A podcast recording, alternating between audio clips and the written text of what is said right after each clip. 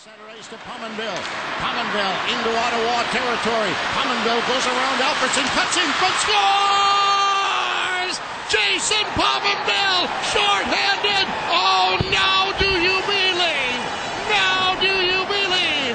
These guys are good, scary good. Och då säger vi eh, varmt välkomna tillbaka till ett nytt avsnitt av Saverspodden. Och eh, ja, äntligen får vi väl säga. Jag heter Alexander Nilsson och med mig ikväll är Mikael Hübinette. Eh, vi saknar tyvärr Kevin som har lite andra bestyr ikväll men eh, kul att snacka Micke. Ja, verkligen. Hej! Det var, det var ett tag sedan som sagt. Ja, mitten av eh, juni tror jag det var senast. Ja, och jag lyssnade på det avsnittet häromdagen faktiskt. Och då sa vi att då, då skämtade vi om att ja, det lär ju inte ta tre månader att spela in nästa avsnitt i alla fall. Nej, det tog lite längre tid. det tog lite längre tid. Det, det vart ju... Det vart ju lite grejer som hände här i världen som har gjort att det inte varit så mycket hockey att prata om egentligen. Så är det. Hockeyn har inte, eller Sabres har inte legat först, först på tankelistan senaste tiden. Nej, trots det har det ju hänt, hänt en del i alla fall i Sabres. Som- Det ska ju bli kul att vi har samlat på oss i alla fall saker att prata om. Mm. Måste man ju säga. Till skillnad mot andra avsnitt. Ja, men eh, ja precis. ja, och det här är ju det här typiska lite, lite positiva vibbar avsnittet. Det där Mm. enda som kommer ut på en hel säsong. Enda skillnaden är att vi brukar sällan spela in de vibbarna i december. Nej, det är sant. De brukar komma där någon gång i mitten på sommaren eller vad säga. Men eh, hur är det med dig annars då? Har du, har du, haft, en, har du haft det bra sen vi talades vid sist? Jo, men det har jag. Eh, inte mycket att klaga på. Inte varit, inte varit sjuk eller sådär om man har jobbet kvar och allt sånt. Så att, eh, det vore väl dumt att klaga egentligen. Har du, har du klarat dig från eh, coronan? Ja, vad jag vet i alla fall. Ja, ja jag säger samma vara, sak. ska, ska vara att man haft en släng men inte har märkt av någonting. Det har ju, har ju vissa haft har man ju läst om men... Ja, Ja, det skulle vara skönt om man har haft, haft, eh, har haft det helt enkelt. Jag var ju, jag var ju märkligt sjuk vi säger, i, i början på första vågen. mm, Eh, men men eh, jag vet ju inte säkert. Jag har inte tagit några några prover eller något sånt där. Och, men nu, nu när nu när andra vågen har ju slagit desto hårdare här uppe måste man ju säga också. Det gäller väl i Sundsvall va? ja hela Västernorrland har ju varit betydligt värre än vad det var första svängen om jag förstått det rätt. Men jag tycker ju ändå att i alla fall här i Övik så ser jag ju mer folk ute än vad jag såg under första vågen. Det är, det är som att folk bara har blivit less ungefär. Ja, det är mycket möjligt. Nu var det ett tag sedan jag var ute på byn här i, i sådana ärenden. Men Mm. eh, så jag vet inte riktigt hur det är i, här i Sundsvall. Ja, ja, ja. Ja, ja, vi Ja. får väl hoppas vi slipper och att eh, vi, vi blir kvitt det någon gång. Ja, det vore ju trevligt om, om det kunde återgå till det, det normala så att säga. Och verkligen. Men, men det Eh. var inte det vi skulle prata om, tror jag. Nej, vi har Corona. lite att gå igenom. Eh, en annan sak eh, vi sa faktiskt i slutet på avsnittet, eh, det var att eh, vi trodde inte att eh, Kevin Adams skulle kunna göra så himla mycket. Det skulle inte ske just några grejer alls utöver liksom en draft. Och Kevin sa att han har ju inte telefonnumret till någon. Därför kommer det inte att ske någonting i princip. Men det har ju hänt lite grann i alla fall. Det har hänt lite grann. Det blir Eh, kul att gå igenom. Vart vill du börja? Vi börjar väl lite grann efter... Jag tycker vi kör, kör schema som vi har... Som vi, du har lagt uppe. Jag tyckte det var... Tyckte det var bra. Mm. Då börjar vi med, ja, fortsätter på ledarsidan där. Senast vi snackade så var det ju efter att Kevin Adams hade blivit ny, ny general manager och han har ju börjat få ihop en liten stab nu att jobba med. Mm. Det är väl kanske främst på scouting-sidan som det har skett saker och i Rochester, i AHL-laget där. Men eh, vi har en ny Director of Scouting som heter Jeremiah Crow som varit i klubben tidigare som Pro Scout och eh, sen har de befordrat, eh, eller ja, är det en befordring? Jag vet inte. Jason Nightingale går från Director of Analytics till Assistant Director of Scouting. Mm. Ja, alltså Jeremiah Crow har jag bara hört att eh, han ska tydligen vara en som jobbar väldigt hårt och är väldigt, väldigt noggrann. Eh, Mm. Det är egentligen det enda jag vet om han. Jag, man har hört att han blivit lovordad och sånt där. Eh, Nightingale, det är som vi skämtade om i förra avsnittet också, att han- var ju ensam på analyticsavdelningen. Ja, Trots att han, så var en fin titel att vara director. Eh, men eh, nej, han- han vet jag egentligen ingenting om heller. Det är ju nej, som, det är ju samma där. Det är enda man hör är ju an- om liksom, då lovordas de ju. ja, Eller så får de sparken och då har de varit dåliga. Det är Ja, ju men- liksom ingenting däremellan. lite så är det ju. Eh, däremot så kanske man kan se henne lite mer eh, om Nightingale nu är så intresserad av Analytics som, som de säger så, så kanske han och Jeremiah Crow kommer kunna jobba ganska bra tillsammans för de verkar ju verkar ju vara lite mer intresserade av Analytics än vad till exempel Bottrill var. Han var väl egentligen bara intresserad av sådana här transition stats nästan om man ser på spelarna han tog in. Vilket inte alltid övergår kanske till offensiv, offensiva siffror. Men eh, Nej, det vart väl inte jättebra med Bottrill heller. nej. Ja, nej men vi får väl se. Det, det finns inte så mycket att säga om, om, om det där. Man vet ju sällan hur de jobbar. Vi, vi får väl... Men nej, scouting, scouting-biten är ju ingenting som man har daglig insyn i direkt, även om man kä- känner ett par scouter på andra håll, men det är ju inget sånt där liksom... Det är inte så att man sitter på läktaren och kollar, åh där är en scout, undrar hur, hur många tecken han knackar ner i sin anteckningsbok den här matchen. Där har du ju ett framtida reportage annars. Ja, i och för sig, de börjar ju få gå på matcher nu i, i Hockeyallsvenskan och som jag bevakar på jobbet. Kanske Mm. ska, kanske ska göra det. Det tycker jag låter som en bra idé.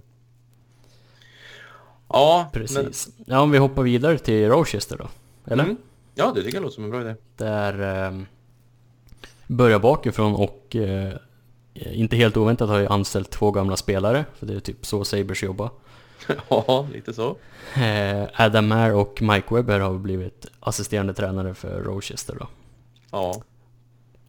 Eh, Adam Mayer kommer väl från eh, från eh, Harbor Center, eh, vad heter det?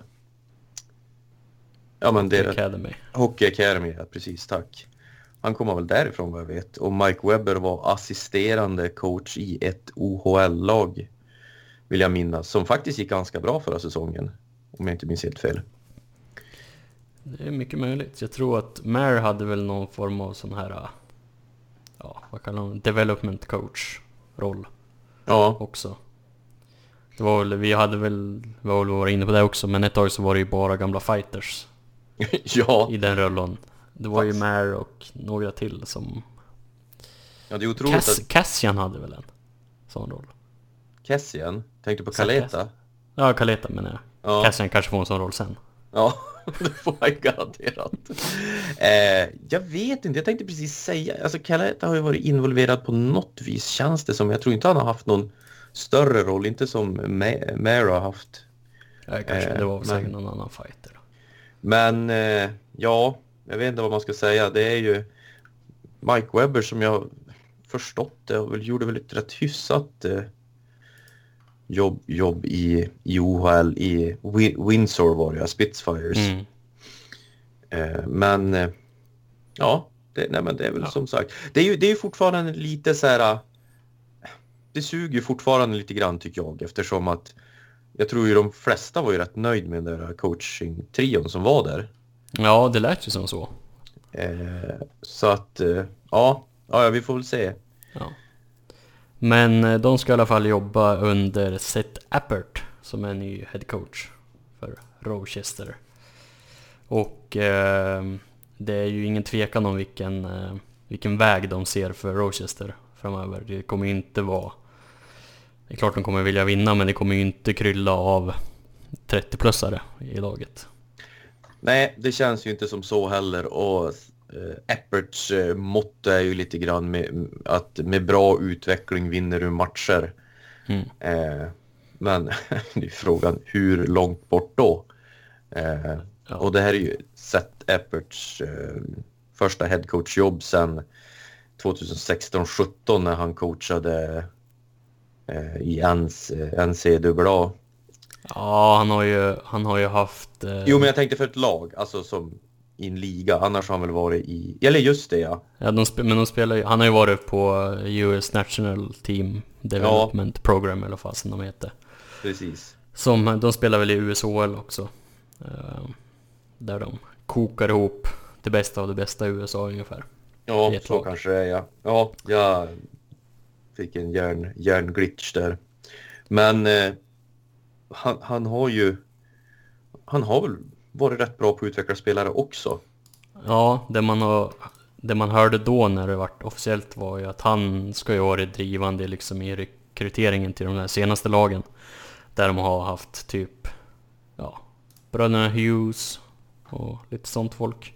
Var det, inte, var det inte förra draften som var så väldigt framgångsrik för, för det där, där organisationen, höll på säga, eller den där... Det var det förra, förra När det gick så himla många spelare därifrån. För, jag tror att det var förra, förra. Ja, förra, förra kanske det var, ja. ja. Eh, Så att ja. Nej men eh, de sa väl typ rakt ut nästan, Sabres då, att eh, det kommer vara fokus på att utveckla våra unga spelare i Rochester nu. Mm. Ja, och så sista eh, nya grejen på ledarsidan det är ju Matt Ellis som blir Director of Player Development. Som tog över Kevin Adams roll som Director på eh, Harbor Center Academy of Hockey. Mm. Eh, efter att ha varit en av, ja, jag vet inte vad man kallar det, men en, en av utvecklarna där helt enkelt. Ja. Eh, ja, Ja. En, en, en riktig grinder men en eh, superseriös kille på alla sätt och eh, har fått väldigt mycket beröm för det han har gjort där just med att just med hur seriös han är med planering och liksom att man måste ge järnet 100 procent det är ju ganska lätt att säga med Ellis att hade inte han haft den inställningen han har då har han ju aldrig varit nära ens att spela över 300 matcher i NHL. Nej, det var ju ingen eh, poängmakare direkt. Nej, han var ju en sån här bra att ha kille i omklädningsrummet och någon du betalar lite pengar för lite istid i fjärde kedjan. Typ så. Så att eh, han är ju väldigt omtyckt också. Så att eh, ja, ja, vi får väl se. Det är ju en där man vet inte hur stor, alltså hur stor inverkan han har på spelarnas utveckling, men det Nej, och jag vet inte, de brukar väl mer vara, mer vara liksom in, involverad i, mot prospectsen. Uh, snarare än typ att han ska lära Jack Eichel att skjuta, jag vet inte. Ja, det skulle ju vara rätt kille att lära skjuta också dessutom. ja. Nej, men precis så att uh, det är det som har hänt. Som är det stora. Sen vet jag inte, det, det känns ju som att du, när de andra ligorna drar igång så borde det väl anställas några fler scouter i alla fall. Eh, ja, det kan man tycka. Det, det skickades ju iväg ett helt gäng där i våras. Mm. Ja, Eh, Men hon ja, men det pratades ju om att de skulle ju skära ner på den delen. Det skulle ju bli mer video, videoscouting och sådant. jag, jag tror ju ändå att de kommer att försöka anställa några fler på grund av det här Kevin Adams sa det här med att han vill ha scouter som även jobbar med analytics som kan liksom sammanställa ja, men som är intresserade av det kan ställa, sammanställa rapporter med analytics som underlag också. Mm. Man får hoppas på det i alla fall. Men... Skulle väl behöva någon i alla fall i Europa. Jag tror inte vi har någon Europascout än. Nej, precis. Det skulle jag ju kunna göra när, när jag är långledig för sig. Ja, för sig. Varför inte?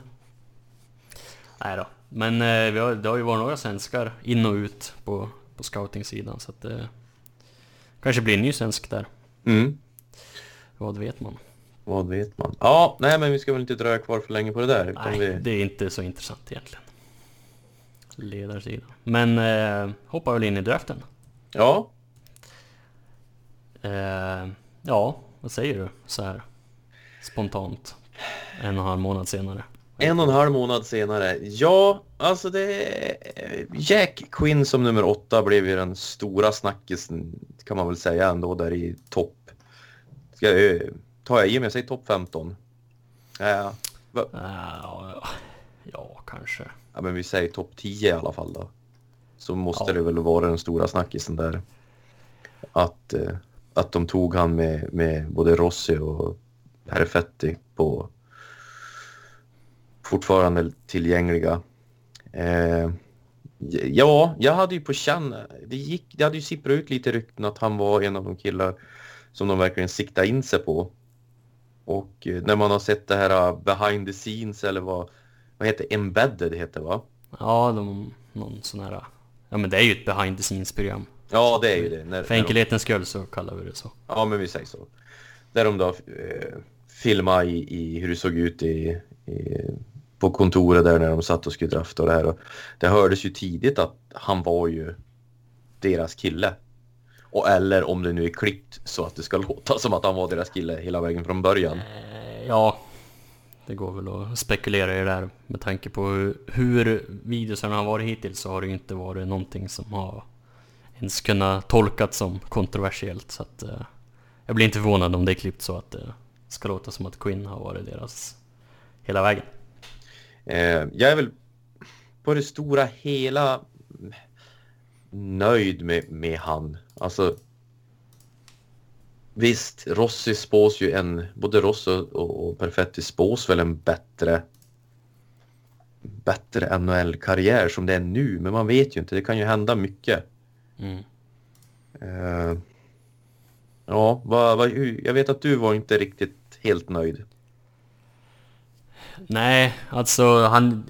Det råder ju ingen tvekan om att det är en duktig spelare, Quinn. Eh, Men det känns lite som att vi har... Vi har gått liksom och draftat för... eh, Ja men vad behöver vi just nu? Ja men vi skulle behöva någon som kan spela med Eichel och skjuta, Mm. typ. Eh, Och det är väl kanske inte... Jag vet inte, jag känner inte att det är den vägen man bör gå i en draft. Utan jag tycker snarare att man tar den... Om man får välja... Ja men i första rundan så tar man best player available liksom. Sen är ju det, skiljer ju det från spelare, eller från person till person men det kändes ändå som att konsensus var att Ross är, är bättre än Quinn. Ja. Det, det kändes ju lite som så. Med tanke på hur vår centersida ser ut på, på uh, prospect-sidan så går det väl att föra argument på att vi har större behov av en sån än en, någon som kan spela med Jack Eichel. Ja, ja men så är det ju, för man vet ju fortfarande inte vad vi har i Dylan Kossen, så vi vet ju definitivt inte vad vi har i Casey Millstead. Nej. Eh, så det, så kan man ju verkligen säga och, och Sen går det ju att föra argument för att Rossi kanske inte är en center på NHL-nivå heller. I och med att han, han är ju bara en och, vad är han, 1,76 tror jag, eller något sånt där. Mm. Eh, Men såg många som skrev sk- och pratade om liksom hur om man går ifrån, om man har sett Ottawa 67 matcher och går därifrån och eh, påstår att Jack Quinn har varit lagets bästa spelare så, så har man fel helt enkelt. mm, ja, Eh, så det är, väl, det är väl där någonstans det ligger och gnager lite grann ja, jo men det förstår jag. Och, och jag menar, jag har ju försökt läsa så mycket som möjligt om just den här draften och det här för att liksom få någon positiv eh, känsla för Jack Quinn. Jag är ju inte, jag har ju inte grävt, grävt ner mig ska jag väl inte säga heller, men alltså jag har ju inte tyckt det varit lika fel som kanske du tyckte och så här. Men man vill ju ändå vilja få någonting som att man förstår varför och ska man säga överlag det man har läst så är det ju ändå 90 procent som kanske hade Rossi före. Alltså som tycker att de skulle ha tagit Rossi. Om man läser eh, journalister då som, som jobbar med att följa draften och de här prospects-killarna. Eh, så, så det är väl... Det, det är ju Alltså, lite... man, har ju typ- inte, man har ju inte fått höra någonting som, om liksom vad som gör att varför hade vi Quinn före Rossi? Nej. Eller någon av de andra. Det enda som har liksom de har pratat om var ju den där videon, det var ju att de, ja men enligt våra siffror så ser han bra ut. Ja, Och lite sånt här, ja men det vanliga, ja men han, eh, han kan mer än bara skjuta, han jobbar hårt också, typ. ja. Alltså, eh, kul att du nämnde ändå det här med skjuta för att det är ju någon, någonting många ändå har sagt att han hade ju troligtvis det bästa skottet i den draften. Eh, och han gjorde ju, vad gjorde han? Var det 52 mål på 65 matcher eller sånt där? Mm. Så att det... Sen har jag ju suttit och tittat highlights från förra säsongen och, och, och han, han kan ju mer än bara skjuta naturligtvis. Han är ju, jag tycker han, utan att vara någon scout så är han ju väldigt duktig en mot en. Han är ju duktig på att hitta yta och liksom s- sån här kille som står på rätt ställe vid rätt Mm. tidpunkt och, och raka in puckar så. Men han kan ju även slå en bra passning. Han kan ju ändå eh, hit, hitta sina medspelare. Eh, Nu minns jag inte hur det var, men någonting man måste tänka på när man säger att han gjorde alla de där målen också, det är att han hade ju en väldigt hög skottprocent Ja. förra, förra säsongen. Och sånt kommer ju kunna slå tillbaka rejält, det har vi ju sett på, på nära håll Ja, i, i vårt Sabres. men eh, ja, för att summera Jack Quinn så är det ju, det är ju inte katastrof i alla fall. Om man Nej. säger så. Jag var ju mer irriterad när vi tog Nylander och Sergachev var tillgänglig till exempel. Mm. Det tycker jag ju var ännu, alltså det var ju en sån här sak som han... Ja, jag är inte, jag är inte på den nivån, men ja, Ja, det är väl en av få, få drafter vi har varit helt överens om första valet. Eller ja, vad vi skulle ha tagit med första valet. ja, I vår, I verkligen. vår lilla chattgrupp där. Ja. Eh, men ja, det, jag kan, jag kan, eh, jag ändå, försöker ändå vara ganska positiv till det här, får vi se. Men sen det jag varit ännu mer positiv till om vi ska gå vidare, det är ju Mm. att vi tradade upp. Eh, vi gav vårat 38 val och vårt 100 val för San Joses 34 val och så draftade vi John Jason Peterka. Eh, som har börjat den här säsongen väldigt bra i, i Salzburg. Eh, en, Stämmer bra. en kille som har, de säger, har en fruktansvärt bra motor som hela tiden går, går på full fart. Åker skridskor och kopiöst mycket. Mm. Eh, Ja, det är inte många, många sekunder på, på ett byte som han är stillastående. Nej, verkligen inte. Och han har ju börjat med 16 poäng på 12 matcher i, i, i den schweiziska ligan då. Eh, Så det är ju bra. Jag tror han ligger typ på tionde plats eller elfte plats i den totala poängligan i Sp- Spela Österrike va? Österrike kanske. Oh, förlåt. Förlåt, Österrike. Helt rätt. Tionde plats i poängligan ligger han också. Eh, ja, som 18-åring. Ja, så det... För det var ju någonting de, de, eh, de som skulle hitta någonting negativt med han sa att ja men kan han nog mer än att bara åka skridskor? Och ja, vi får väl se. Vi hoppas ju på det i alla fall. Han verkar ha en fantastiskt bra inställning. Annars brukar vi ju kunna betala sådana spelare också. ja, precis. Det brukar inte vara något större problem. ja, nej men han var ju ändå rankad någonstans i runt, runt typ 24-25 om jag minns rätt. På de flesta listorna. Ja, det, det diffa- diffade ju en del som vanligt mellan, mellan listorna, men där, där är krokarna. Mm. Eh, men ja, jag tycker fortfarande det är lite tråkigt att vi... Ja, jag gillar ju det här med Peterka, men alltså vi, vi draftar ju sällan med de här draftar sällan de här spelarna som har ett jättehögt tak som kanske är en lite mer chansning. Mm. Ja, nej, det känns som att vi safear väldigt mycket. Ofta. Ja. Eh, Men eh, ja, de flesta är ju rätt övertygade att John, John Jason eller JJ Peterka kommer att spela i, i NHL inom en ganska snar framtid ändå. Eh, Med, med typ en, ja, vad ska man säga, någonstans där runt eh, topp eh, top 9 potential. Ja, vi skulle ju behöva hitta lite folk i, utanför första rundan i våra drafter. Ja, det skulle, det skulle vara jättetrevligt. Och vi har ju tre spelare till den här draften och, och hoppas på i sådana fall. Och det är ju Matteo Constantini, eh, Albert Lyckåsen och Jakob Konechny. Är det någon av dem du vet något speciellt om? Eh, ja, Lyckåsen har jag sett en del. Eh, jag, tänkte, jag var på väg att säga genom åren, men senaste året. Mm. Eh, en eh, Puck som han skulle spela i eh, Hockeyallsvenskan den här säsongen var det tänkt för Vita Hästen, men eh, eh gick tillbaka till Linköpings organisation igen eh, rätt tidigt när det stod klart att det kom in en del NHL-lån och sådär i, i Vita Hästen så han skulle inte få så mycket istid.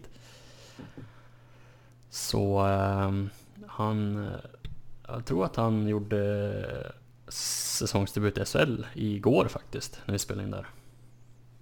Mm. Var en öppen sväng. Faktiskt. Men uh, ja, nej, på Quickly. Uh, rätt bra på skridskorna. Och sådär, men det är ju svårt att... Det är svårt att säga vad han har för liksom NHL-potential. Ja, alltså det är... Han är ju inte, han är inte den största 1,81 enligt Elite Prospects och sådär så att... Men uh, offensivt skicklig. Skulle Ja. jag säga. Ja, men vi får väl hoppas på någonting där. De andra två har jag faktiskt väldigt dålig koll på. Ja, samma här. Eh, Konstantino plockar vi från våran egen bakgård kan man ju säga. Han spelar ju i Buffalo Sabres Juniors. Eh, så att, eh, ja, jag vet ju typ ingenting om det heller. Jag vet att han är klar för North Dakota, alltså universitetet, eh, Mm. 21 säsong 21-22. Eh, det är ju i princip det enda jag vet om han och ja Jakob Konechny vet jag absolut ingenting om. Nej, inte jag heller. En tjeckisk forward, väl? Ja. Som inte direkt har gjort något jättestort väsen av sig kan man ju säga.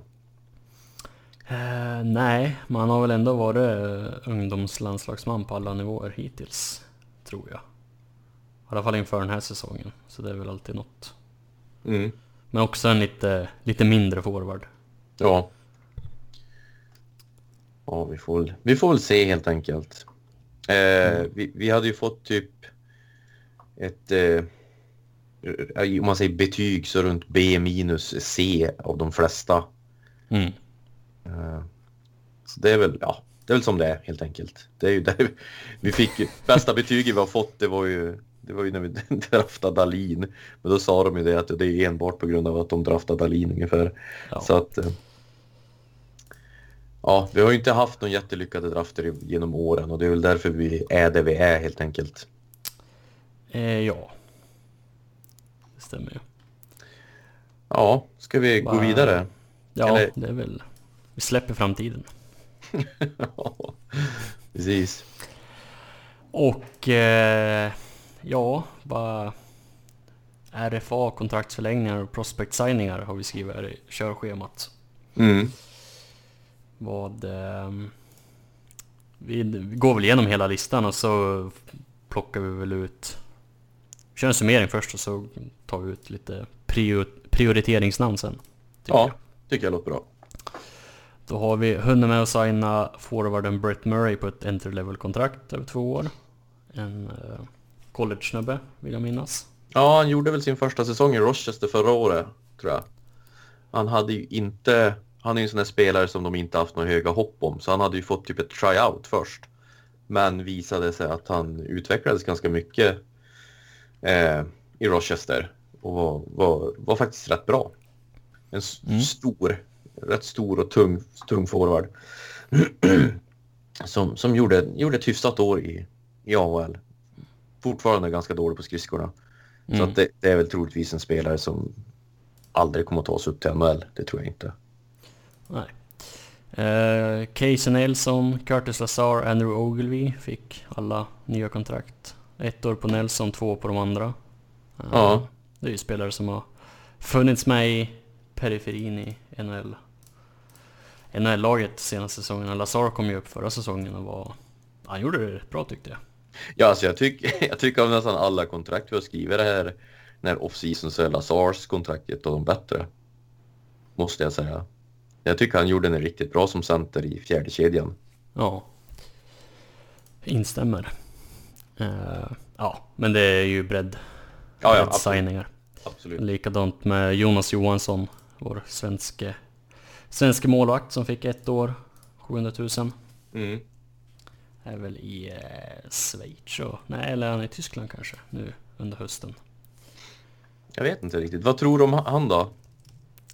Ass, ja, jag vet inte. Det är svårt med målvakter alltså. Ja, Men nej. eh, det...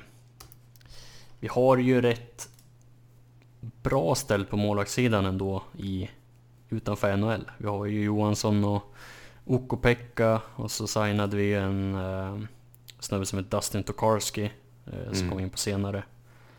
Och eh, med nyheterna idag om att eh, största sannolikhet inte kommer bli något spel för E ECHL-laget i organisationen så känns det ju som att det kan nog bli ett år i Europa för Johansson. Om man inte... Tror de inte Om de inte tar över till AHL och att han får slåss med Tokarska om istiden där då. Precis, det är väl det jag skulle kunna tänka mig att de gör. Men, ja. Ja, vi får se. Han var ju upp och gjorde någon match i NHL också förra säsongen och han var ju han var väl en av de viktigare spelarna faktiskt i Rochester. Han gjorde ju en, rätt, gjorde ju en bra säsong. Mm. Verkligen. Det var ju roligt. Eh, Ja, han har ju tagit en lång väg. Han har ju haft två säsonger i ECHL. Han har haft tålamod kan man säga. Verkligen. Ehm, Ja, och sen så... Tage Thomsson. Tre år, 1,4 miljoner. Ja, alltså det känns ju ändå intressant att de skriver det och då är han ju ändå RFA när det går ut. Eh, det är ju bevis på att de tror på honom och han, han började ju började ju rätt bra i, i Rochester och så vart han uppkallad till Buffalo och första matchen han spelade så får han väl typ en axelskada som som är säsongsavslutande för han. Mm. Eh, det är ändå en kille man, man, det skulle vara kul om han kunde hitta, alltså hitta den här potentialen som... Men hitta ett spel på NHL-nivå. Ja men exakt, för att det är ju en så pass unik spelare ändå. Jag menar med hans storlek och ändå besittande tekniken och ändå skridskoåkningen liksom.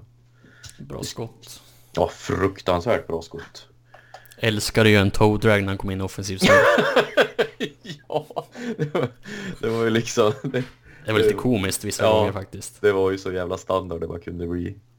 Men eh, ja, är riktigt bra skott. Att, Jag gillar att vi, eh, vi sa att vi hade ett upplägg och det första vi gör är att gå ifrån det direkt. Nu har vi pratat om varje spelare och signa. ja, ja, jo men det blir ju så. Vad fan. Det var, vi behöver ju inte Eh, ja. Och nu, ska vi gå till ditt favoritkontrakt då för, för säsongen? mm. Samuel Girgensons. Tre år, 2,2 miljoner. Vad håller vi på med? Ja. Den, den kan inte ens Jonny försvara tror jag. Jo, det kan han. Han försöker. Ja, han försöker. Jo, men jag, jag tror att han... Ja, det är jättekonstigt. Och att det blev klart så fort. Ja, men det finns ingen logik i det. Nej. Alltså, jag lyssnade på en, en podd som sa, som sa att... eh, Ja, de begrep ju inte heller förstås. De, de sa bara som så att alltså, skulle han, skulle Buffalo inte ha signat han så skulle han ju med största säkerhet inte ha signat någon annanstans heller än. Nej, Alltså han skulle ju vara kvar. Det är ju liksom... som, som UFA ja. Ja, Eller, så, jo, ja, men, ja, men om han, ja, ja, men om han skulle vara, ja, men om han skulle vara UFA skulle han fortfarande ha varit kvar. Liksom. Mm. Det är det som är poängen. För att det finns ju spelare som är ja, alltså Bättre och billigare. bättre och billigare. Ja. Och, och jag menar, skulle, skulle han ha signat någon annanstans, ja men fan, då hade man ju liksom, ja, okej, vi, vi kan betala vi kan betala någon annan för att göra precis det där han gör Mm. egentligen. Till Ja. exempel som vi säger, en Johan Larsson som signar för 1,4 miljoner i Arizona. Då, då har ju ändå Johan Larsson visat sig vara mer viktig för det här laget, tycker jag. Johan Larsson har fler strängar på sin lyra än vad Semgus har. Ja, han har ju det. Eh, Och det, det är... Ja. Alltså det jag... Och, och framförallt, framförallt när den här signingen kommer Och man vet att det är sagt att Buffalo kommer att ha en stramare budget. Det är Mm. liksom, det har sparkats massa folk. Eh, tränarna har varit, eh, blivit frågade om att gå ner i lön två gånger. Mm. Eh, och eh, liksom då lägger vi ut 2,2 miljoner i tre år. Ja. Nej, det. Fattar inte. Alltså det här känns lite grann som när, när Islanders signade upp sin typ fjärde line på, vad var det? Med Matt Martin och grabbarna. Ja med Matt Martin och eh, Sisikas och eh, Buttercup höll jag på att säga, vad heter han? Eh, Clutterbuck. Clutterbuck. På typ nästan 3 miljoner för skalle. Ja. Det, det är ju lite, det är lite den, den feelingen. Alltså, Men alltså grejen är ju att... Alltså Semgus pikade ju för... Sju år sedan? Nej, vad blir det nu? Jo, men sex år sedan typ. ska man, ska man signa Samgus på det där kontraktet då måste man ju anställa Ted Nolan som assisterande coach. För han Ja. verkar ju vara den enda som kan prata det språket som Samgus riktigt förstår. Alltså, för vi snackar om en kille som inte gjort över 20 poäng i NHL på de fem senaste säsongerna. Mm. Och, och, och en annan grej Han hade, han hade förmodligen gjort över 20 poäng i år om inte säsongen hade blivit... Om han inte hade spelat 69 matcher bara, men...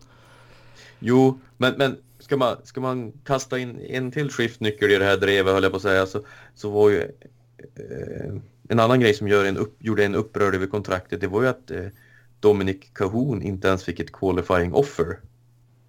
Som visade Mm. betydligt mer på de typ sex matcherna han spelade i vårt lag Ja. Än vad Semgus har gjort på länge. Ja. Semgus är en Nej. karaktär, det kan man ju inte säga någonting om. Och, och som person och, och han, han gör ju liksom... Jag har ju ingenting emot Semgus så. Det jag har emot det är hans kontrakt. Alltså, han, Ja. hade, hade de betalat han... Om jag säger till Arizona betalar Johan Larsson. Ja men då hade jag varit mer okej med det. Eller, det, det är liksom mitt maxtak för Semgus per år ligger på typ en och en halv. Ja. Och det är generöst tycker jag i alla fall. Ja, men liksom... Han hade 1,6 förra året tror jag. Ja, Och det är liksom... Någonstans där känner jag nästan att det, det är någon hundratusing för mycket. ja, jo jag håller med. Och liksom ge ändå en löneökning på 600 000 till, eller vad det vart? 800 000. Eh, efter att... Ja, jag vet inte. Vad har han visat under det här förra treårskontraktet som... Som gör att det är värt Nej, jag, jag vet inte. den löneökningen? Det, är- det är väldigt, väldigt konstigt. Framförallt när det är en ny, ny GM också. Det gör nu liksom... Ja, det är... Han, han, ja, han har ju liksom överlevt alla de här bytena. Det är väl nästan det som är mest fascinerande. Ja. Alla de här GM-bytena har han alltid överlevt. Jag vet inte vad... Alltså han gör ju sin roll till, till 100% varje dag. Eh, Ja.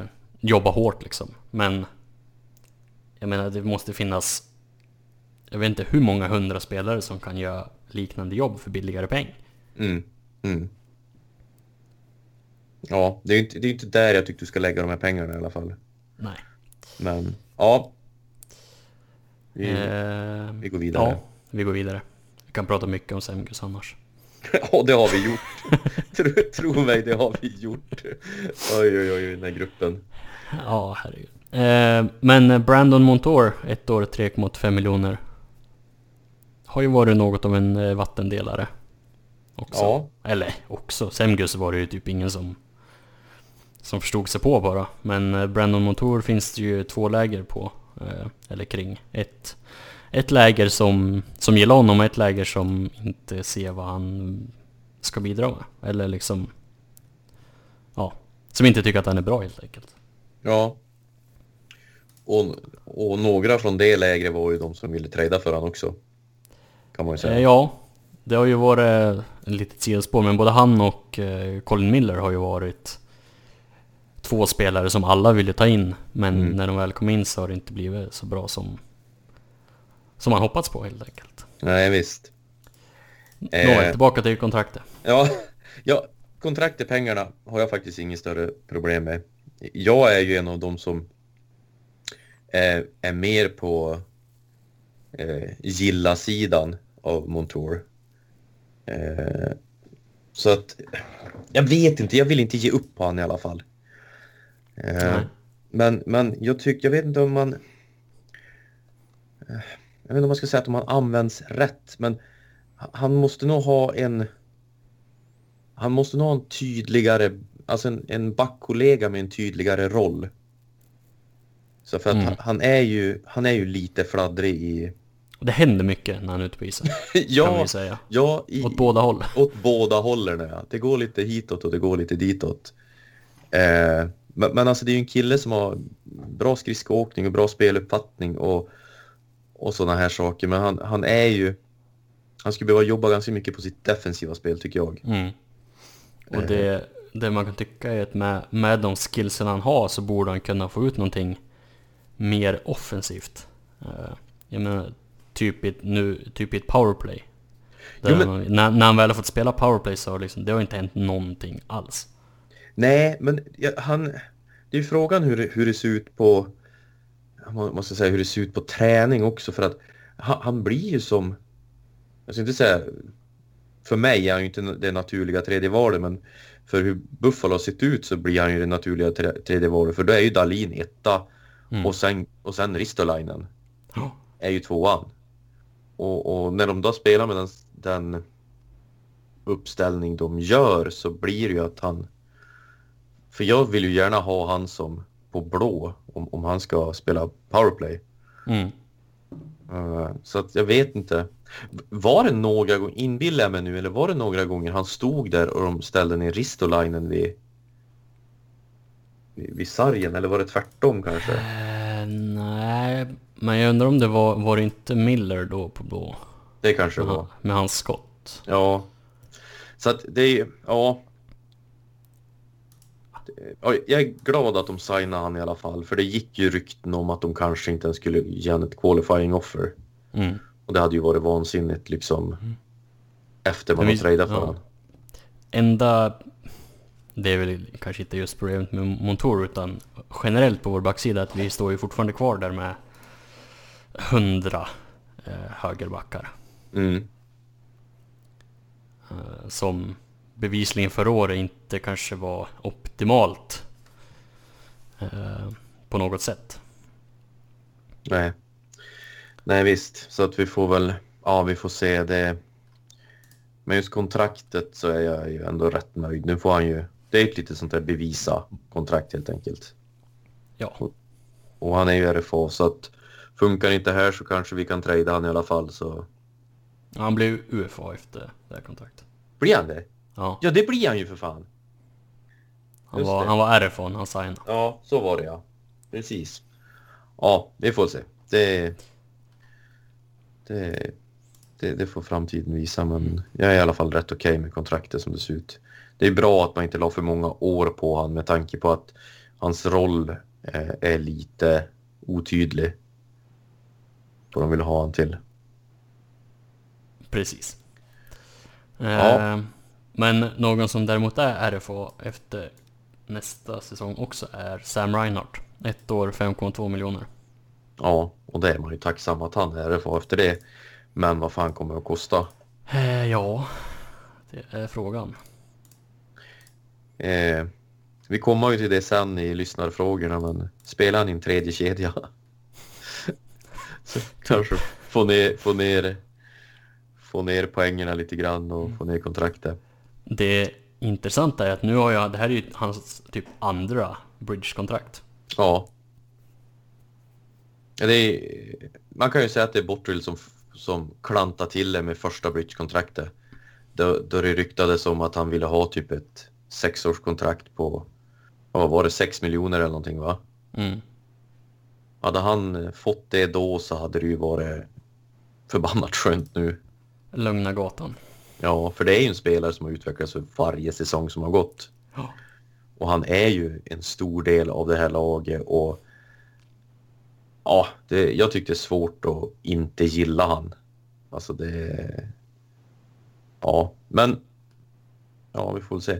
Han, eh, han fick ju en, i intervjun efter han hade skrivit kontraktet så, så fick han eh, frågan om, om det var han eller om det var klubben som, som, som ville ha ett ettårskontrakt och då sa han ju tydligt att eh, han ville ha fler år.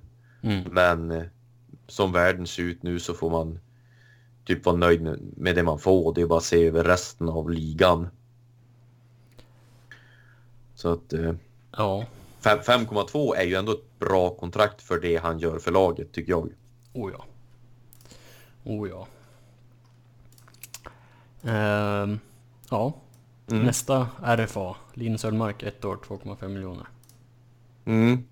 Ja.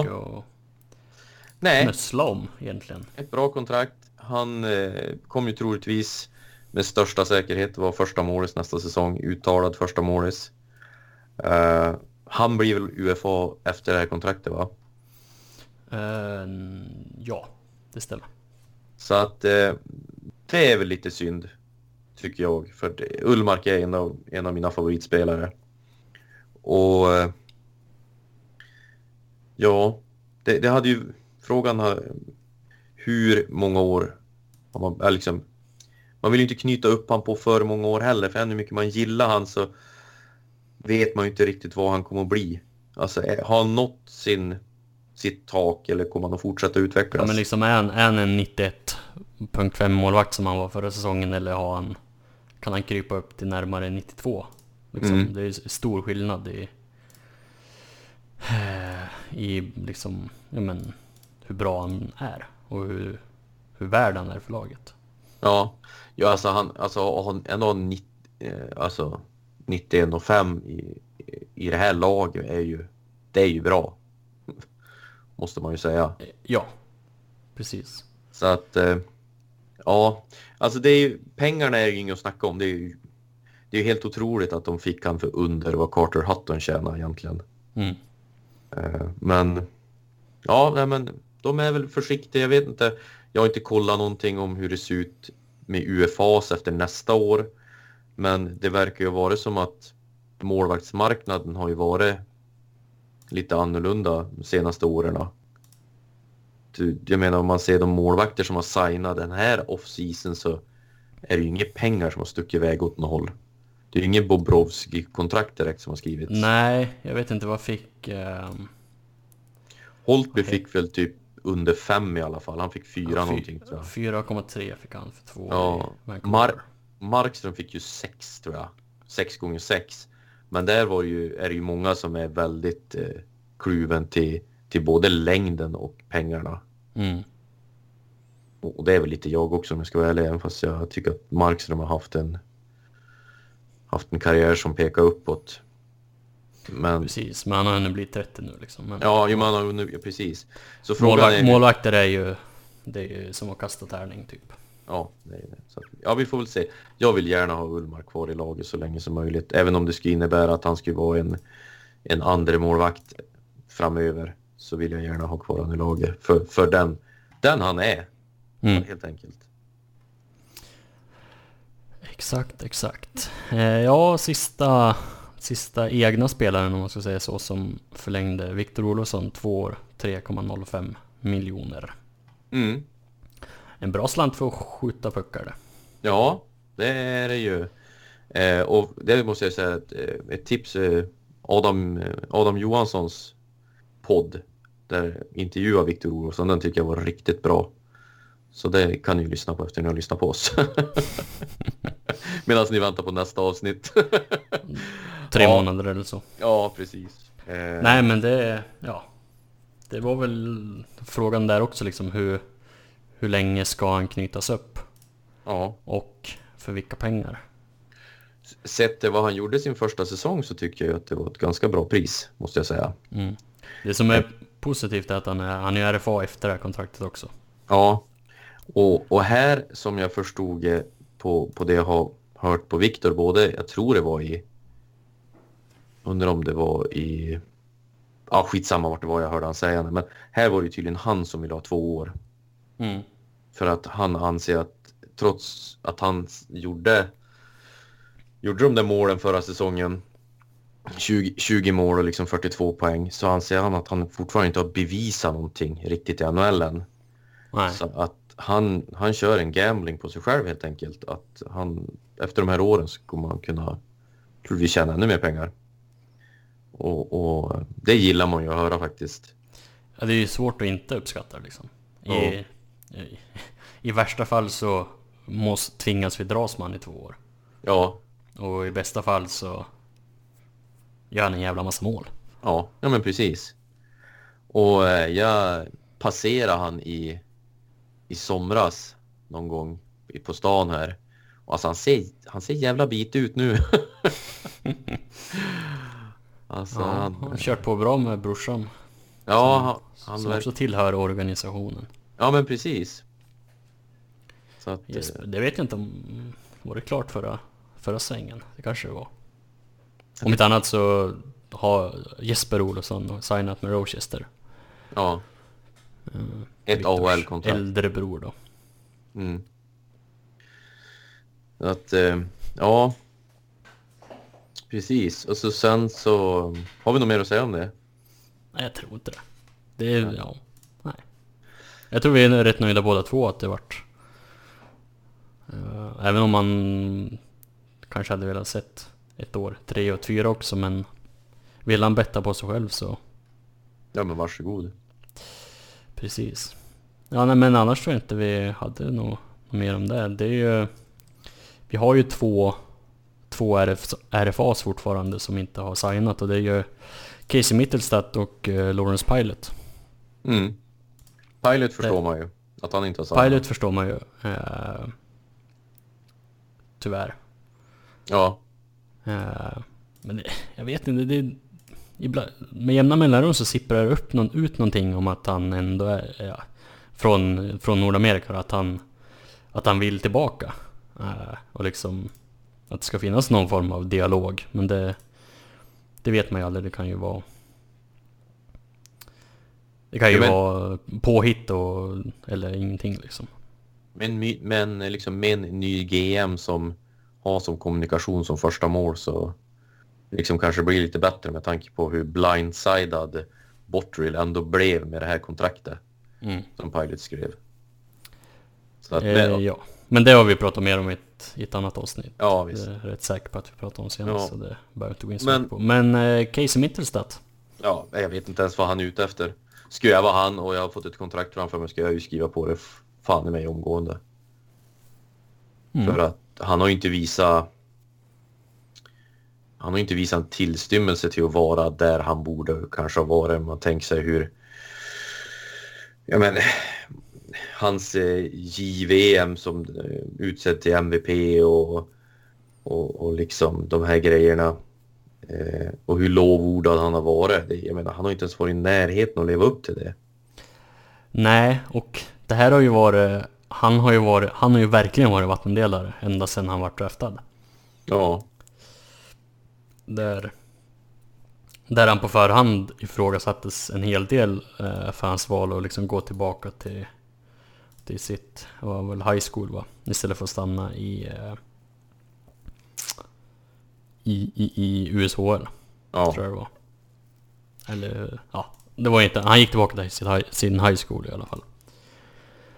Eh, Och sen så vart det ett år på college, sen kastade vi in han. Och eh, väldigt mycket påminna om situationen med Grigorenko. ja, ja visst. Där han kastades in och det vart väldigt snabbt väldigt tydligt att han inte var redo. Men han skulle ändå vara där. Tänk om han inte hade avslutat så bra där säsongen han blev, blev eh, upptagen. Mm. När han gjorde fem poäng på sex matcher i sista, ja, de där sista matcherna den säsongen eh, 2018 2017-2018. Mm. För då såg han ju riktigt bra ut. Och så Ja. sen år efter då skulle han helt plötsligt vara... Då kunde vi ju trada Ryan och, Riley för vi ska ha Middlestead som andra center. Och så var han ju inte ens Mm. Ja, i närheten av att fylla någon andra centerroll. nej, det, det finns stora frågetecken kring Casey. Ja, vi får väl se. Det är ju ingen Men eh, han heller. har ju alltså inte, han har inte fått ett erbjudande vad man har hört. Nej, det har inte sipprat ut någonting i alla fall. Men det är ju ingen som sagt, det är ingen brådska heller. Nej, han är ju han är RFA så att... De kanske har sagt åt dem att, de, att han ska visa upp någonting först, alltså typ en off-season träning eller något sånt där som Mm. är någonting att komma med. Precis. Eh, ja, men vi går vi- vidare då. Ja. Eh, ska vi prata om den enda traden vi har gjort? Ja, Bortsett det, från den med draftvalen där som vi var inne på tidigare. ja, det tycker jag. Men eh, vi skickade då alltså Marcus Johansson till Minnesota i utbyte mot Eric Ståhl. Och det var ju en bomb, kan man säga. Ja, det kom från ingenstans. Ja, inte bara det att vi tradade till oss Erik Ståhl, men att han inte hade Buffalo på, på sin no trade-lista. det var ju nog en chock, men det, de sa väl det att eh, han hade ju liksom gjort en utvärdering om att han inte skulle behöva ha med Buffalo, för det var ändå inte ett lag som skulle trada för han. Mm. Fick han, men eh, I års. helt rätt tycker jag. Helt rätt. Eh, Ja, alltså... Johansson blev ju inplockad för att göra en roll som han inte kunde göra så pass bra Nej, som, som tanken var. Och, han eh, skulle ju vara vår andra center. han skulle vara våran andra center och han, han gjorde många saker bra under förra säsongen. Han började ju framförallt hösten riktigt bra. Ja. Eh, men... Eh, och då kunna byta han... Och dessutom gå ner i lön. Mm. Eh, för en, alltså en riktigt bra center. Som ändå, även om han är fem år äldre, eller sex till och med kanske. Ja, det är ju ingenting för framtiden. Nej, det är ingenting för framtiden. Men, det, bra det ju andrum. till till exempel Cousins. Ja. Ja, och, och jag menar, han kommer ju vara nyttig för Jack Eichel också. Alltså Jack Eichel är ju fortfarande väldigt ung. Och få in en sån här äh, ledare som Eric Ståhl, det, det tror jag är nyttigt för alla. Eh, och jag menar, han gjorde ju ändå 49 poäng förra säsongen. Mm. Så att, eh, nej men Nej, jag, jag, är- jag är jättenöjd. Och Minnesota verkar väl Han puttrar på som vanligt. Ingen Ja. förstår riktigt vad de gör. Nej, och det roliga är ju att de går ut och säger att de tradar till sig Johansson för att de ska använda honom som center. Men ja, det är inte vårt problem. Nej. Nej, men en, en bra trade helt enkelt som Mm. kommer att hjälpa oss på både i ett andra PP och i andra linan. Tror jag. Precis så. Det ja, det är den enda traden vi har gjort Ja, hittills. Eh, sen har vi signat lite breddfolk framförallt tänkte jag säga, men i merparten av fallen. Dustin Tokarski, reservmålis. Steven Fogarty, ett år 700 000. Matt Irvin, Brandon Davidson, samma sak. Eh, det finns väl inte så mycket att säga om dem. nej, De alltså fyra namnen egentligen. Matt Irvin låter ju som att han har blivit, eh, blivit signad för att hjälpa laget i att vara typ en sjunde back eller eh, även det att han är så, ska vara en stabil back i ett BP. Alltså, det är, så, så låter det.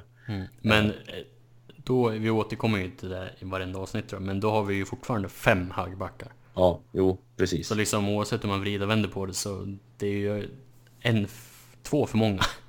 Ja. En för många om du spelar en på, på vänsterkanten då. Mm. Precis. Nej, så att det, ja, det, får, det är inte så mycket att säga om någon av dem där.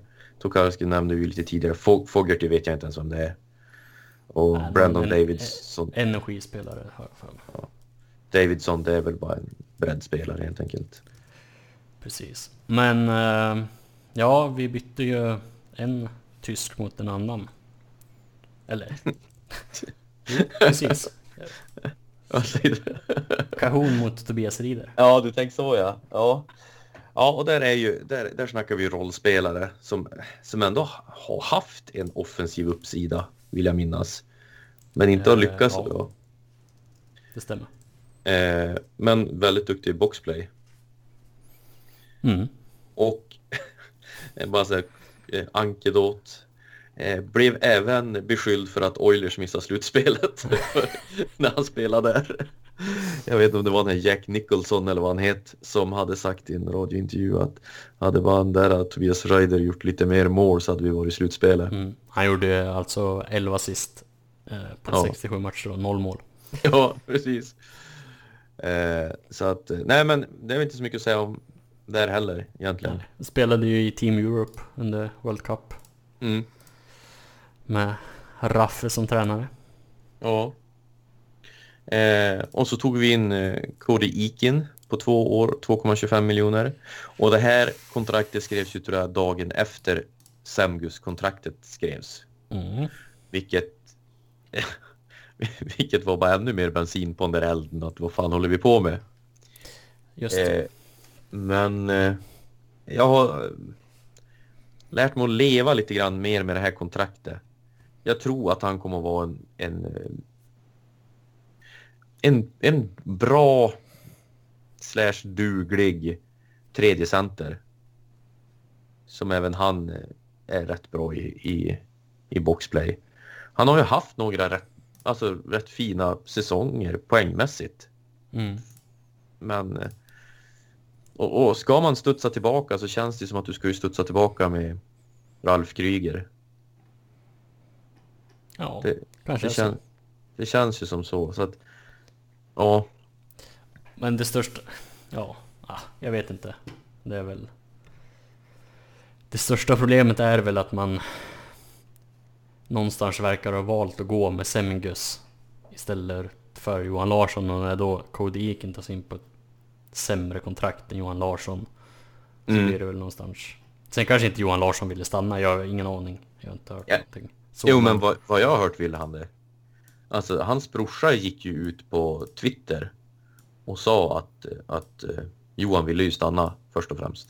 Men att Ja. han, han hörde ingenting från Buffalo. Ja, då... eh, Det, så det är ju lite konstigt. Ja, minst sagt.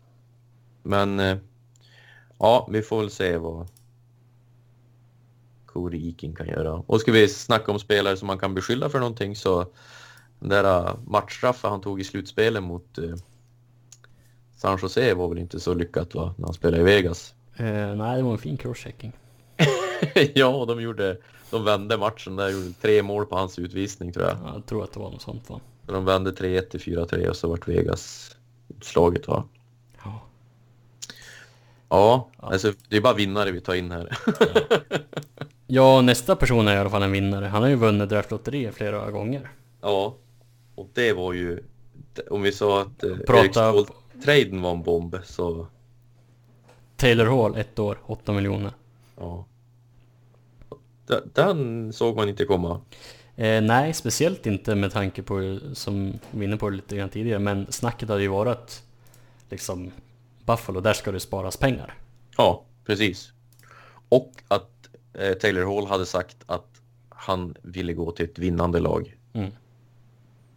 Eh, sen fanns det nog ingen som var villig att betala 8 miljoner för Taylor Hall i den här ekonomin heller. Nej, det kom ju ut lite små, små rykten där om att Edmonton ska erbjuda någonting typ. Det var inte ens halva, halva lönen han får i, i Buffalo sådär. Han hade väl fått en hel del skambud som jag förstod det. Ja.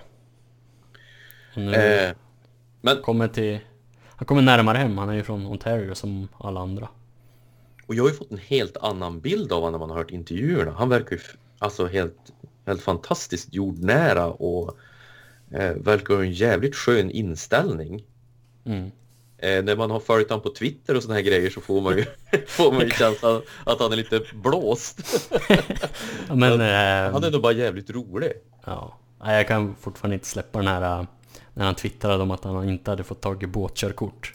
Ja, Och någon, någon svarade med att Vadå inte lyckats? Du får ju ha med dig boken på provet. ja, Hur kan du inte ha lyckats? ja. Ja, nej men så det var, det var ju roligt. Men, men han, han, låter ju, han låter ju jävligt taggad på det här. Och Ja. Och spindeln i nätet till allt det här, det är ju Ralf Kryger. Det, Mm. det, han, han har ju, eh, som jag har förstått det, så är det ju han som har fört diskussion med, med de flesta av spelarna. Med Tobias Ryder, med Corey Eakin, med Taylor Hall. Eh, har ju liksom han haft långa samtal. Kåre Iken berättade ju det att han hade ju haft ett väldigt trevligt samtal med Ralf Kryger. Liksom Ralf Kryger hade spenderat större delen av samtalet och, och liksom verkligen försökt lära känna han och liksom lära, lära sig Ikens intressen och sånt där. Och, så typ under samtalet så hade Kryger sagt ja, bara så du vet det så håller Kevin Adams på att förhandla med din agent så att du kommer att ha ett erbjudande när vi har pratat klart och så här. Mm. Så det är ju han som har haft diskussionerna. Samma sak med Taylor Hall så var det ju han som typ ringde och tog kontakten först och så sen så hade ju Taylor Hall hade väl några fler funderingar så då hade han väl ringt tillbaka till Kryger och, och så vidare. Och eh, Taylor Hall hade ju Kryger i Edmonton också. Och, och, var en av de här spelarna som hade eh, varit öppen med sitt missnöje över att de sparkar Kryger. Så. Ja, och Kryger sa ju i, i det här programmet så, jag ska inte citera honom för jag minns inte exakt, men någonting i stil med att de två bästa han har haft är Jack Eichel och Taylor Hall. Ja. Ja, precis. Det är ju... Nej, det kom ju som en jävla bomb i alla fall. Och det, ja, det blir spännande. Det är ja, helt otroligt spännande. Om, man, om han kan få vara skadefri så är det ju en... Man ska nog inte förvänta sig att han kommer, att det är MVP Taylor Hall vi får, men han har ju samtidigt... Ja, han kommer väl... Jag menar, Jack Eichel och Taylor Hall låter ju jävligt trevligt. Måste man ju säga. Ja, det skulle man kunna lära sig att leva med. Tror jag mm. faktiskt. Han han, han han aldrig spela med McDavid va? Visst var han uh, tradad den off-season? Ja. Eller? Uh, jo, han spelade ett år med. Gjorde han det? Jag tror det. Ett eller möjligtvis... Ja, ett år. Okej, okay, ja. Ja, nej men så att det känns ju naturligtvis bra. Det ska bli spännande att se vad, vad han det blir intressant, för det kan vi komma tillbaka till senare. Vi har några lyssnarfrågor som är inne på den biten. Men hur han kommer användas, vart han kommer ja. spela. Men vi, vi tar det sen. Ja. Tycker jag. Men ja, jag har inte så mycket mer att säga om det helt enkelt. De flesta vet vem Taylor Hall är och vilken, vilk, alltså vilken skjuts den här organisationen fick framåt, i alla fall sett på pappret. Mm. Ja, Ska vi gå vidare? Ja, det tycker jag. Eh, och eh, Ja, det har ju, det är ju inte bara ledarstaben och spelartruppen som gjorts om. Vi har ju bytt färger och eh, nya tröjor mm. också. Vi har återvänt till det som heter Royal Blue på engelska. Ja, här behöver väl inte vara speciellt långvarig egentligen, men vi gör, vi... en skitsnygg tröja tycker jag. Jag tänkte säga så här, vi, ska vi sätta betyg på tröjan och så går vi vidare bara? Ja, alltså jag ger ju båda två. Ja, vänta här nu. Ja. Vi kommer alltså, vi har eh, en blå hemmatröja, en vit bortatröja och sen har vi en vit special 3D-tröja från det här uh, Reverse Retro Ja, det. Det, en, det enda jag tycker med Reverse Retro det är ju att det, jag hade ju tyckt det vore bättre om vi hade haft gethuvud. Mm. Eh, det hade ju varit, det hade varit ännu, ännu snyggare och så haft eh, smörknivarna på axlarna. Ja. Ja, men, jag, jag är beredd att hålla med. Men, men eh, jag gillar Men den gick väl ändå, vann den omröstningen som, fan vilka var det som hade det? Jag vet inte, jag såg att vi var framme i konferensfinal mot Carolina. Vi var, ju, vi var i final totalt på slutet. Det har förmodligen varit flera omröstningar. Ja, ja skitsamma. Vi var i final i någon omröstning i alla fall. Och, ja. Men jag tycker att den är ju den är snygg. Jag ja, jag skulle nog säga att den är en av de snyggaste av de där reverse retro. Sen så tycker jag Royal Blue tycker jag är skitsnygg också. Och, och jag är ju en av de här som gillar de här... Eh, vad ska man säga? Det du inte var helt för. Vad ska man... Ska ja, de här vita, vita ränderna på Ja, vita armarna. ränderna. Ja, jag, jag är en av de som gillar Nej, men jag måste säga att de har, de har vuxit på mig. Ju mm. mer man har sett, eh, sett av tröjan så... Jag, jag förstår deras funktion. Mm. Så att säga. Och jag tror ju att det kommer att se ännu bättre ut på isen, naturligtvis. Ja, eh, förhoppningsvis. Nej, men riktigt snygga tröjor faktiskt. Uh, ja, vi går vidare. Ja, vi går vidare. Sista punkten. Det hade varit kul att ha med Kevin här, med tanke på hans modeintresse. Ja, verkligen. Ja, verkligen. Uh, Ja men vi går in på lyssnarfrågor. Mm. Fantastiskt att vi fortfarande har folk som kommer ihåg oss med tanke på hur lång tid det går mellan gångerna. Hur mycket vi har svikit dem. Mhm. eh, vi börjar helt enkelt uppifrån. Eh, Pontus Österlund frågar Hur vill ni att kedjorna ska se ut? Vem får plats i Powerplay 1 och vad tror ni kommer hända med Mittelstadt? Alltså, nu ska inte jag låta som jag är jättelat. Eh, men jag...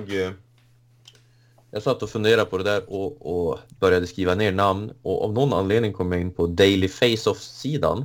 Mhm. Som brukar ha... Ja, de håller koll på laguppställningarna och såna här grejer oftast för matcherna. Då hade de en inför kommande säsong. Som Ja. komiskt nog är väldigt likt det jag skrev ner. Mhm. Så att, Ser du ner jag- den efter du hade kollat på deras eller? Nej, jag hade börjat på min. Jag hade inte skrivit klart min, ska jag säga. Det ska jag säga. Däremot backarna, där har jag ingen aning med tanke på problemen vi har med alla rightare och allt det där. Men eh, det, det är ju, den stora frågan för mig det är Taylor Hall. Mm. Och jag känner ändå att jag vill börja med han i första linan. Jag tycker allt annat vore fel. Eh, sen är jag, ska jag vara helt öppen om vi säger att vi ska ha en haltande eh, andra kedja så ska jag vara helt öppen för att flytta Taylor Hall till den för att kanske få ett, ett större eh, vad ska man säga, för, få större bredd eller hjälp, hjälpa den. Men, så för mig då Taylor Hall, Jake Eichel och Victor Olofsson faktiskt ska jag vilja köra i min första. Eh, Mm. Och här då så andra kedjan, det är här så det blir lite tricky. För då vill jag ju gärna prova Jeff Skinner med sin gamla parhäst Erik Ståhl, även fast de inte hade jättemånga matcher tillsammans tror jag i Carolina. Ja. Men slänga in Dylan Cossens där och börja med. Eh, beroende på hur hans camp ser ut. Annars så är ju det självklara valet Sam Reinhardt. Och här kommer ju in det här jag, det jag teasade lite med förut. Kanske man ska prova Reinhardt i en tredje kedja. Se hur det går. Och, och i sådana fall flytta han sen. För att lyfta den kedjan som då Cody Eakin troligtvis kommer att centra.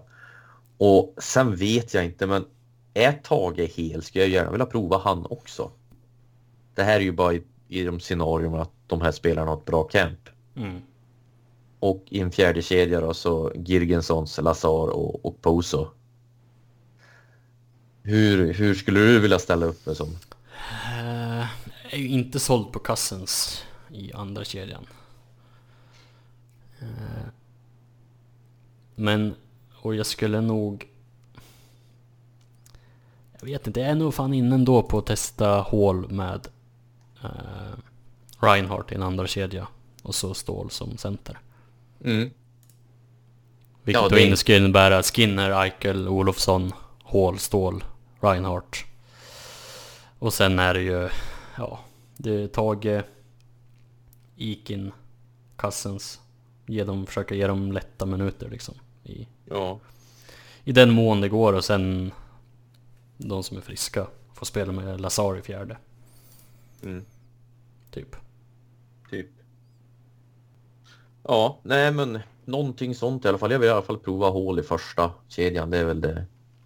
Jag, Jag tror tror- ju någonstans att det kommer, det kommer bli så. Eh, Ja, det borde bli så. Och Sen, är väl frågan vem, vem blir högerforwarden? Det är väl den störst, större frågan kanske. Ja, alltså jag vet, det här med Cousins i, i, i, Cousins i andra kedjan, det är ju mest bara för att liksom för någon, alltså det är väl mer en, ska man säga, ja, orealistiskt kanske men En önskedröm. en öns ja tack, precis det ordet jag sökte, en önskedröm att, att han skulle funka där. Mm. Men eh, jag tror ju att eh, Reinhardt och Skinner skulle kunna hitta varandra rätt bra också. Så att, ja. Backarna däremot, det vet jag fan hur jag skulle, det är, det är så jävla svårt. Ja. Kanske Eh. typ, jag vet inte, Dalin. Eh, ja, Dalin ska spela först i alla fall, det, det är klart. Ja, Eh, och sen, ja jag vet fan. Min, borde gjort Ja, det- bättre, bättre research såklart, men jag minns inte. Spelade han bäst med Miller förra året? Var det så kanske? jag tror det. Ja, nej men det, just backarna vill jag inte ens ge mig in på för det känns som att det är en sån, ja, det, det, Det är så det enda vi kan vara säkra på är att Dalin spelar, spelar mycket och Ristolainen spelar för mycket. ja, faktiskt. Verkligen. Det skulle vara jävligt kul att se hur Jocke Harju, hur hans off-season har sett ut och vad det har kunnat gynna Mm. han. Det är ju en jävligt spännande spelare som man som eh, är bra som han är men skulle kunna ha eh, ändå höja sig ett par snäpp till. Men om vi går vidare till powerplay då. Eh, ja, det här är intressant. Jag sitter Ja, så- och... För, för mig är det bara att stoppa alla ägg i första Samma- korgen höll jag på att säga. Samma Det- korg. Ja, alltså eh, utan att, alltså Dalin på blå, Jack Eichel där Jack Eichel ska stå, Victor Olofsson där han ska stå och så får Reinhardt och Taylor Hall göra vad de vill egentligen. så, så, så länge det blir mål. Typ. Eh, ja, Reinhardt framför kassen. Ja, Eichel till vänster då, sett ur då. mm, Dalin på blå. Och sen finns det ju... Sen finns det ju ett par alternativ, eller tre kombinationer. Eh, Olofsson till höger, Hall i mitten. Eh, Mm. Olofsson till höger, Skinner i mitten, Skinner i mitten, Hall till höger. Men finns det ingen statistik att ha en spelare bo- eh, nere bakom förlängda mållinjen är bättre alternativ än att ha någon i mitten? Eh, jo, alltså... Det, det är bra att spela bakom förlängda. Ja. Problemet ja. är bara att jag inte sett oss göra det. Men det, du, vi har väl inte gjort det sedan året vi kom typ sist i ligan men hade bästa powerplayer? eh, mycket möjligt. Det är så jävla länge sedan så det har man inte förträngt. Ja, nej men då har jag för mig att det var, det var typ O'Reilly som var där bakom. För han var ju inte i mitten i alla fall. Det var han inte. Nej, han var inte. Ah, Han var nog långt ner då. Eh, ja. Nej men det finns ju... Nej. En kommer ju petas från första uppställningen av våra stora stjärnor. Mm. Om vi inte spelar utan målvakt. Det vore ett intressant drag i och för sig. Ja, Kryger är ju... Ja, man vet aldrig. Man kanske räkna på det där. Jag vet inte men... Ja. Hall kanske är bäst för att styra ett andra powerplay, jag vet inte. Mm. Ja, men ändå, du vill ju ha första powerplay inne så jävla länge. Så att jag, ja, jag vet inte. Nej men jag lutar nog mer mot att det blir Skinner som får köra ett andra powerplay. Han kan ju ändå inte göra mål i powerplay. Mm. Eh, ja, nej, jag tror inte det finns så mycket mer för- mig att säga där faktiskt. Vad, vad, vi säger Mittelstad då? Ja, han ska inte spela någon powerplay. Nej, han ska ju inte ens spela i NHL tycker jag. Eh, nej, han har en del att bevisa i AHL. Kan man ju säga. Mm, verkligen. Och eh, jag menar, flera gånger där har han ju varit osynlig när han ändå ska vara en ledande spelare. Ja, de som såg, såg AHL mycket förra säsongen har ju sagt att den de märkte till var ju Tage. Ja, ja men Av, precis. av de två då, liksom. Ja. ja, det är svårt att säga för jag menar, han ser inte så jävla vältränad ut heller. Eh, nej, Han har lite, han har lite, lite Phil Kessel-draget i ansiktet. lite tyvärr. babyhull kvar. Ja. Men eh, det skulle vara kul och, om han verkligen som sagt har gett 100 procent hela den här off-season på att bara bli starkare och bättre balans och sådana här saker.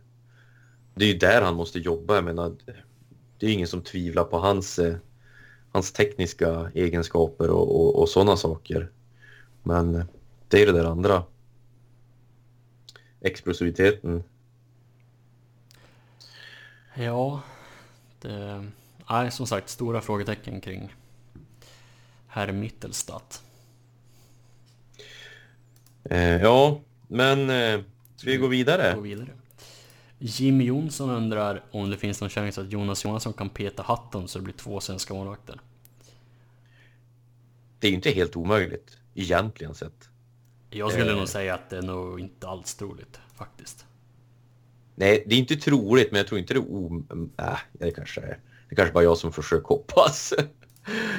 Blinda Hatton, vi får väl se hur hans syn är efter, efter den här ögonoperationen. Men nej, men med största säkerhet kommer väl...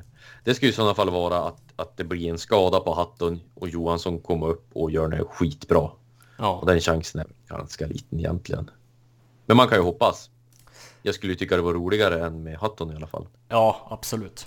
Eh, Det, någonting som också tar emot är att Hatton ska ju ha fixat till sitt ögonproblem som han hade förra säsongen. Jo, men vi pratade om det i förra avsnittet att han har ju opererat nu. Så att han kanske, han kanske ser pucken i vinter. Om det, Ja. eller när det nu blir spel, våren kanske. Mm. Eh, så att ja, nej men jag, nej, jag har svårt att se att det blir blir Ullmark Johansson som målvaktspar i vinter. Mm. Men det vore kul som sagt. Det vore tvekan. kul, men det är tveksamt. Utan tvekan. Eh, känner vi oss klara? Det tycker Där. jag. Sista, Det- sista frågan nu. Det Eller har sista kom, frågorna. kommit in två, eller egentligen en till, det kom in två till. Eh, Erik Wiggen undrade också om våra, hur vi skulle ställa upp laget, men det har vi ju gått igenom. Mm. Eh, och, och sen så Swag Pasta undrade hur man klarar av att äta en hel matlåda köttfärssås med vit t-shirt utan att spilla. Ja, det, jag har ingen erfarenhet av det tyvärr. Jag har inte lyckats än. Jag trodde du skulle säga att du aldrig har haft en matlåda med köttfärssås. Jag har aldrig haft en vit t-shirt. Jag har aldrig haft en vit t-shirt. En helt vit t-shirt efter jag äter köttfärssås. Så kan man säga. Det låter... Ja, nej, det... Ja. Vi ska prata med Kevin. Kanske han kan lägga upp ett videoklipp När, någonstans. när han gör äter pasta, köttfärssås Ja. i en vit t-shirt. Bra content. Mm. Eh, ja. Eh, det var de frågor som kom in nu precis innan vi satt oss och spelade ner. Men eh, Martin Larsen, en trogen lyssnare och trogen eh, frågeinskickare har sin vana trogen skickat in flera frågor. Han Mm. undrar om eh, Cody Eakin och Tobias Reeder är, är de så starka rollspelare som vissa vill hävda? Ja, vill du börja? Eh, mitt ärliga svar blir, jag vet inte. Nej, och jag ska jag vara, jag håller väl lite med där för att jag kan inte påstå att jag har läst att, att det är så många som har hävdande annat än att de är, är duktiga i den spelformen. Men liksom sen hur, hur pass duktiga de är, det är svårt att säga. Men med tanke på hur vårt boxplay såg ut förra säsongen så är det svårt att tänka mig att de är nog sämre än det vi hade. Och eh, vad heter han? Ryder hade väl en väldigt lyckad var väldigt lyckad i BP förra året om jag, om jag inte är helt ute och cykla. Eh, Corey Eakins har jag ju sett väldigt lite egentligen. Mm. Så att, så att jag kan inte säga heller. Han kommer ju från en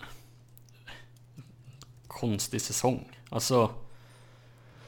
Ja, han var ju inte i närheten av att replikera när han gjorde året innan till exempel. Nej, precis. Men Eh, när han kom till Winnipeg så, i alla fall i grundserien så gick det rätt bra. Har jag läst mig till. Mm. Mm, mm, Men sen typ osynlig i slutspelet. ja. Eh, men eh, det, här, det här Iken, han var ju en spelare som var väldigt högt upp på, på Adams och Krygers lista. De hade ju identifierat honom tidigt som jag har förstått det. Men att det det har var de sagt om alla värvningar. Jo, det gör man väl också. Det gör de väl också, men ja. Ja, vi får se. Jag, jag är försiktigt optimistisk till Iken. Med, med, alltså, Rider, Rider, hur man uttryckte det, det känner jag att det är 700 000, funkar inte så då sätter han på waivers eller skickar Ja. han till AHL. Och i bästa fall så är han tillbaka där han var liksom i Arizona första åren. Ja, precis. Eh, ja. Eh, Det är, möj, det är möjligtvis att man sätter in han i laguppställningen om inte Cousins eller to, eh, Tage lyckas. ja, Så man Så- provar han någonstans. så lär det väl bli. Mm. Eh, Kahon borde ha varit värd att behålla, frågar sig Martin Larsen. Ja, Ja, absolut. Framförallt med tanke på att han signar för typ 900 000 i Oilers. jag tror inte ens Eh. han fick det va? Nej, det kanske han inte ens fick. Tror, fick han inte, eh. signa inte för typ mini... Jag kan, jag kan kolla lite snabbt. Eh, men han... Eh, 975 000. Ja, lite mer då. Men han lär väl ha blivit lovad att han ska ha en chans att kanske slå sig in i topp 6 där, vilket gör att han i sådana fall kommer att kunna... Snacket har väl varit att de ska spela med Dreisaitl. Ja, precis. För de har ju haft kemi i sen juniortiden. Eh, Mm.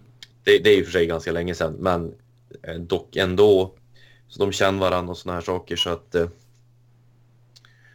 eh, ja, det är bara att hoppas på, på det bästa för han, att han, han får spela med honom. För då kommer han ju kunna, kunna förhandla till sig troligtvis ett ännu bättre kontrakt. Antingen i Oilers eller någon annanstans. Men självklart, med de kontrakt vi har skrivit så hade ju Kahun varit någon, varit någon vi skulle ha behållit.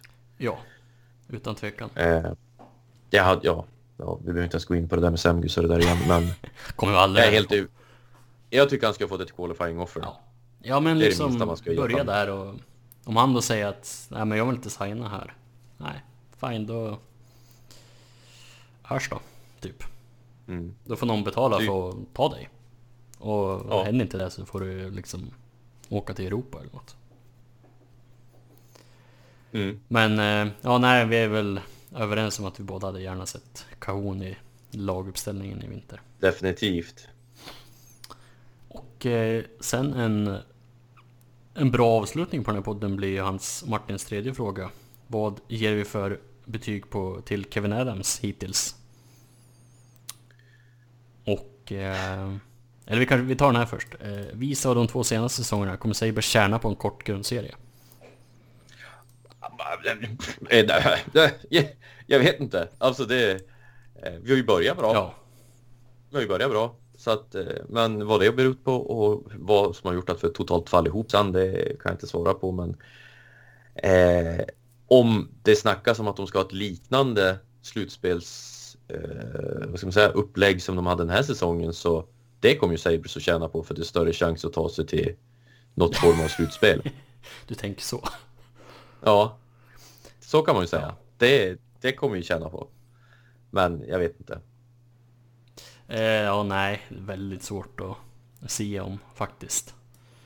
Men med, med en värvning av Taylor Hall till exempel, då är det ju bara en sak som är säkert och det är att de siktar ju på ett slutspel. Ja, det är ju De kan ingen... Det är ju inte ett år där de... Ja men tar det lite lugnt, vi sparar pengar, ser vart världen går. Och så satsar vi sen. Utan det är ju... Det är ju slutspel nu. Mm. Det är ju det. Det är det verkligen. All, ja, vi får se. Vi får se vad... Jag tror inte, jag vet inte om vi kommer tjäna någonting på när, att det är kortare grundserie, men... Ja. Det är svårt att säga. Ja, Verkligen. Eh, sista frågan då, och bra avslutning, är eh, vilket betyg ger vi på Kevin Adams hittills? Eh, några... Eh, gå och fråga, ifrågasätta några val av de spelare som har släppts, skriver Martin. Och Mm. eh, ja, det, det kan man väl hålla med om. alltså, Eller några, jag- det är väl i princip bara Kahun. Ja, men Johan Larsson. Ja. Det är två då. Ja, För Pilot är ju på Botterids bord. Ja visst, det är ju.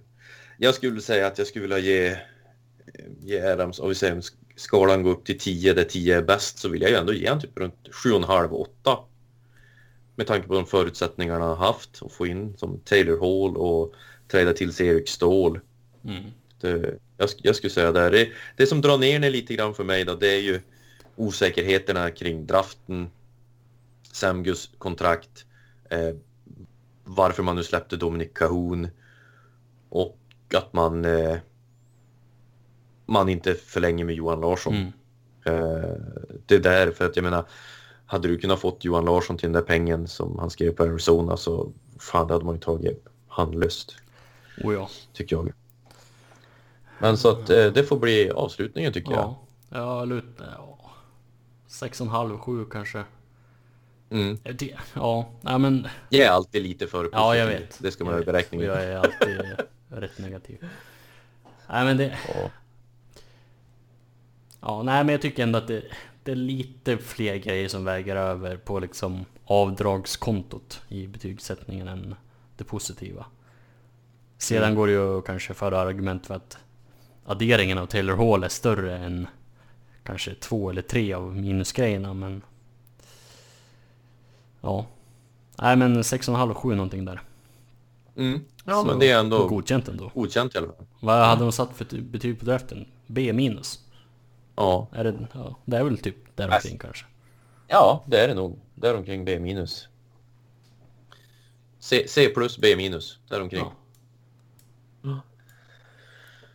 Ja men då så, eh, än en gång, alltså tusen tack för att ni skickar in lyssnarfrågor. Tack så Oh ja, himla mycket. Tack för att ni lyssnar och kommer ihåg oss trots att vi eh, av olika anledningar aldrig spelar in nästan, känns det som. Ja, det, kommer säsongen igång så kommer väl vi igång också. Förmodligen. Då kan, vi, då kan ni styra era barn bättre. Säga åt dem att nu är det hockey. Ja, precis. Kommer ni ihåg den där sporten som, som vi kollade på häromdagen? Ja, som pappa alltid tittar på varje Sitter morgon. och skriker och gormar i soffan. Ja. Det som, gör på pappa, pappa, alltså det som gjorde pappa på så dåligt humör. Nej då, men eh, vi... Eh, förhoppningsvis så kan väl NHL komma igång snart, även om jag är spontant skeptisk till att de ska dra igång första januari, men... Eh, De skötte ju bubblorna jävligt bra. Ja. Så man får väl hoppas att de har ett bra tänk igen helt Ja. enkelt. men nu kommer det inte vara bubblor på det viset, men ja. Nej men vi får, vi får hoppas på det bästa helt enkelt. Mm. Så... Eh, ja, om inte du har något mer att tillägga så tar vi väl och eh, tackar för oss för den här gången. Så Mm. ett eh, tack till er som lyssnar och på återhörande. Och hoppas att Och ni återhörande. har det bra där ute. Ja, och håll, håller, håll avståndet och håll er säker. Sköt om er. Du med Micke. Du med. hej. hej. hej.